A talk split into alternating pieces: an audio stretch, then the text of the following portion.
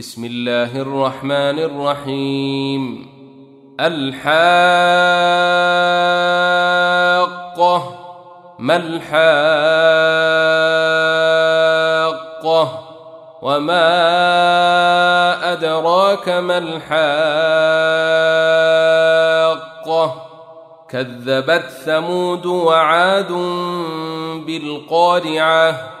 فأما ثمود فأهلكوا بالطاغية وأما عاد فأهلكوا بريح صرصر عاتية سخرها عليهم سبع ليال وثمانية أيام حسوما فترى القوم فيها صرعاً فترى القوم فيها صرعى كأنهم أعجاز نخل خاوية. فهل ترى لهم من باقية؟ وجاء فرعون ومن قبله والمؤتفكات بالخاطئة. فعصوا رسول ربهم فأخذهم أخذة رابية. أنا لما طغى الماء حملناكم في الجاريه لنجعلها لكم تذكره وتعيها اذن واعيه فاذا نفخ في الصور نفخه واحدة وحملت الأرض والجبال فدكتا دكة واحدة. فيومئذ وقعت الواقعة وانشقت السماء فهي يومئذ واهية. والملك على أرجائها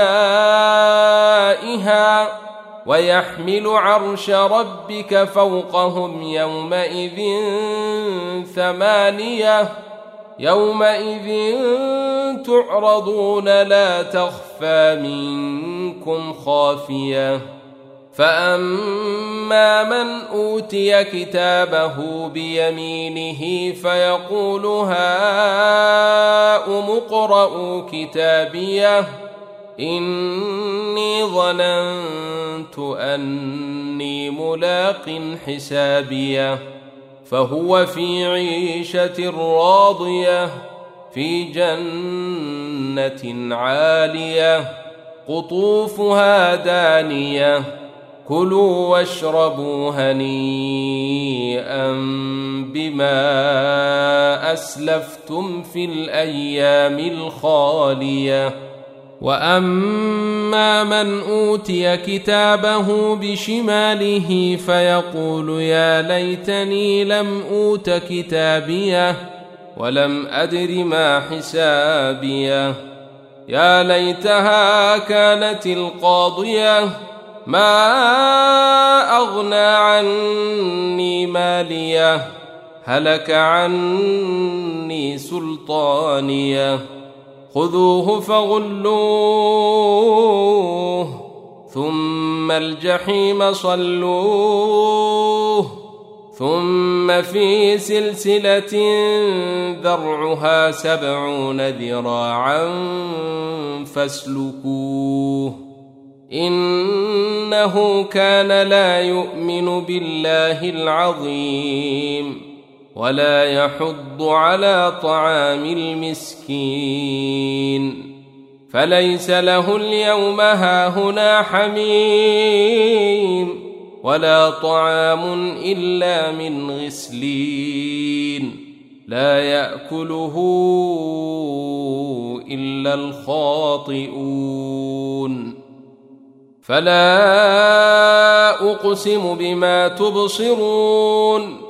وما لا تبصرون انه لقول رسول كريم وما هو بقول شاعر قليلا ما تؤمنون ولا بقول كاهن قليلا ما تذكرون تنزيل من رب العالمين. ولو تقول علينا بعض الأقاويل لأخذنا منه باليمين ثم لقطعنا منه الوتين. فما منكم من أحد عنه حاجزين. وانه لتذكره للمتقين وأنا لنعلم ان منكم مكذبين وانه لحسره على الكافرين وانه لحق اليقين فسبح باسم ربك العظيم.